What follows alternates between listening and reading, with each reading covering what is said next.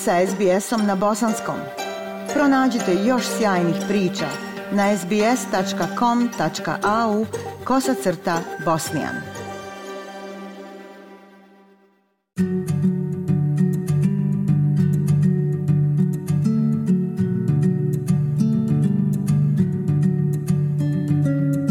Slušate program SBS radija na bosanskom. U narednim minutama govorimo s kakvim se poteškoćama suočavaju mala preduzeća uz porast troškova. Teški ekonomski uslovi, uključujući veće cijene benzina, povećavaju financijski pritisak na mnoga od 2,3 miliona malih preduzeća u Australiji, a neka od njih se bore za opstanak. Prilog Sandre Fulon. Muzika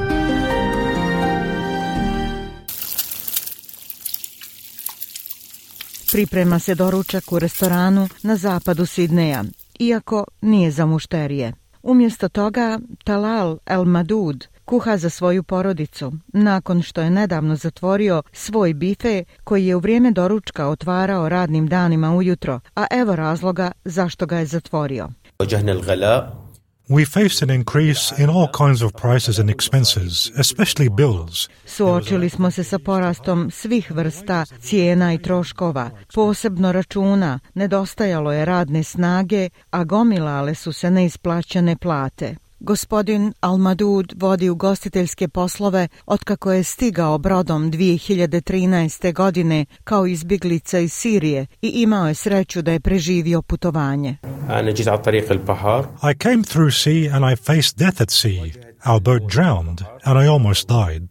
Došao sam morem, suočio se sa smrću na moru, naš čamac je potonuo i zamalo sam se i ja utopio. Nakon što je pokrenuo ugostiteljski posao dostave hrane, gospodin Almadud je otvorio restoran na zapadu Sidneja i to baš u vrijeme kada je izbila pandemija COVID-a uz malu financijsku podršku tokom pandemije, kaže da trenutni uslovi povećavaju njegove financijske brige.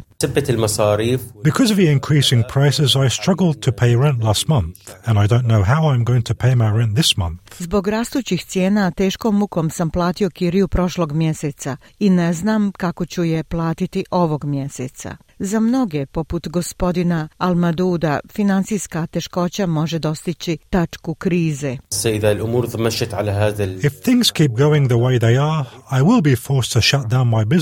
Ako stvari nastave biti takve kakve jesu, bit ću primoran da zatvorim svoj restoran i potražim drugi posao da bih mogao platiti za kašnjalu stanarinu i nagomilane troškove. Uprko s maloprodajnoj potrošnji, većoj od očekivane, troškovi goriva, rastuće kamatne stope i rastuća inflacija imaju uticaja, kako objašnjava izvršni direktor agencije Creditor Watch Patrick Colan. We see less money being spent, we'll obviously see a reduction in GDP, and that's going to Kada budemo vidjeli da se troši manje novca, očito ćemo vidjeti smanjenje brutodruštvenog proizvoda i to će uzrokovati mnogo boli u privredi i svim preduzećima općenito. Kreditor Watch pažljivo prati ključne pokazatelje poslovnih nelikvidnosti, kako objašnjava gospodin Kolan. Our data continues to give us strong leading indicators that more small businesses are falling into distress. Naši podaci nastavljaju da nam daju snažne pokazatelje da sve više malih preduzeća pada u nevolju. Jedan od ključnih pokazatelja predstojeće nelikvidnosti su takozvani trade payment default, a oni trenutno rastu za 53% na godišnjem nivou. Konačno, trade payment default se događa kada kupac ne podmiri obaveze na vrijeme, što ostaje registrovanje zapečatavano u kreditnom fajlu. Dakle, to je zaista važan pokazatelj koji govori da sve više preduzeća ne plaća svoje fakture. Indeks rizika kreditor voča je otkrio i druge znakove opasnosti, kaže gospodin Kolan. Court actions are up 51% year on year and will continue to rise. So a court action is that next step in a creditor's collection activity or journey. Sudske tužbe su porasle za 51% na godišnjem nivou i nastavit će rasti, tako da je sudska tužba sljedeći korak u aktivnosti naplate povjerioca ili proces u kojem se registruje kašnjenje plaćanja.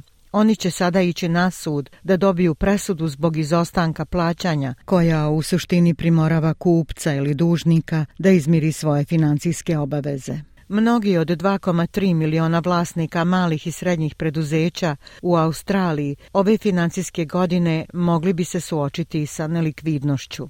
Oni koji su pod najvećim rizikom nalaze se u jugoistočnom Queenslandu i zapadnom Sidneju, za koje gospodin Colan kaže da imaju stope lične nelikvidnosti veće od prosječne i prihode niže od prosječnih. Industries with the highest probability of default over the next 12 months are food and beverage services, arts and recreation and also education and training industrije sa najvećom vjerovatnoćom neispunjenja obaveza u narednih 12 mjeseci su usluge hrane i pića, umjetnost i rekreacija, kao i obrazovanje i obuka. Charles Ledbridge je partner u pravnoj firmi Atwood Marshall u Sidneju i kaže da se instrukcije likvidatora i stečajnih upravnika stalno povećavaju. By product of the pandemic, financial support and other measures put in place by the federal government during the pandemic to assist individuals and companies to cope with To je nus produkt pandemije.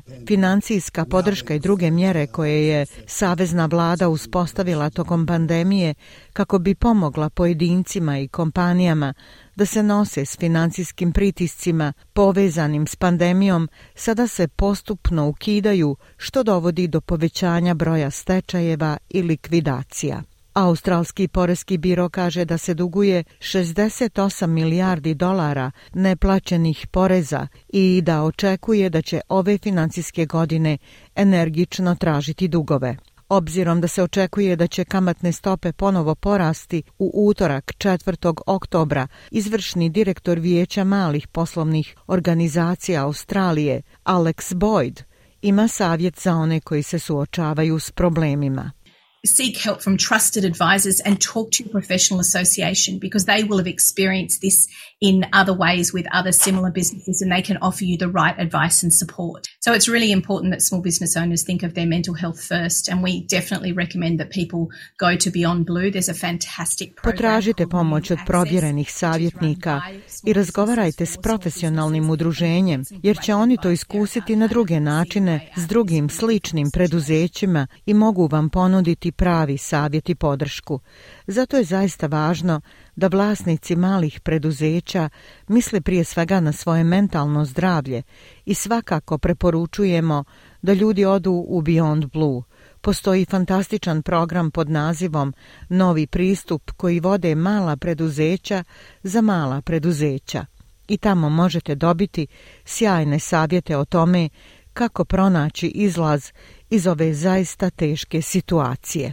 Ja sam Aisha Hadži Ahmetović. Ostanite uz program SBS radija na bosanskom jeziku. SBS na bosanskom. Podijelite naše priče preko Facebooka. Želite poslušati još ovakvih priča? Slušajte preko Apple podcasta, Google podcasta, Spotify ili kako god da primate svoje podcastove.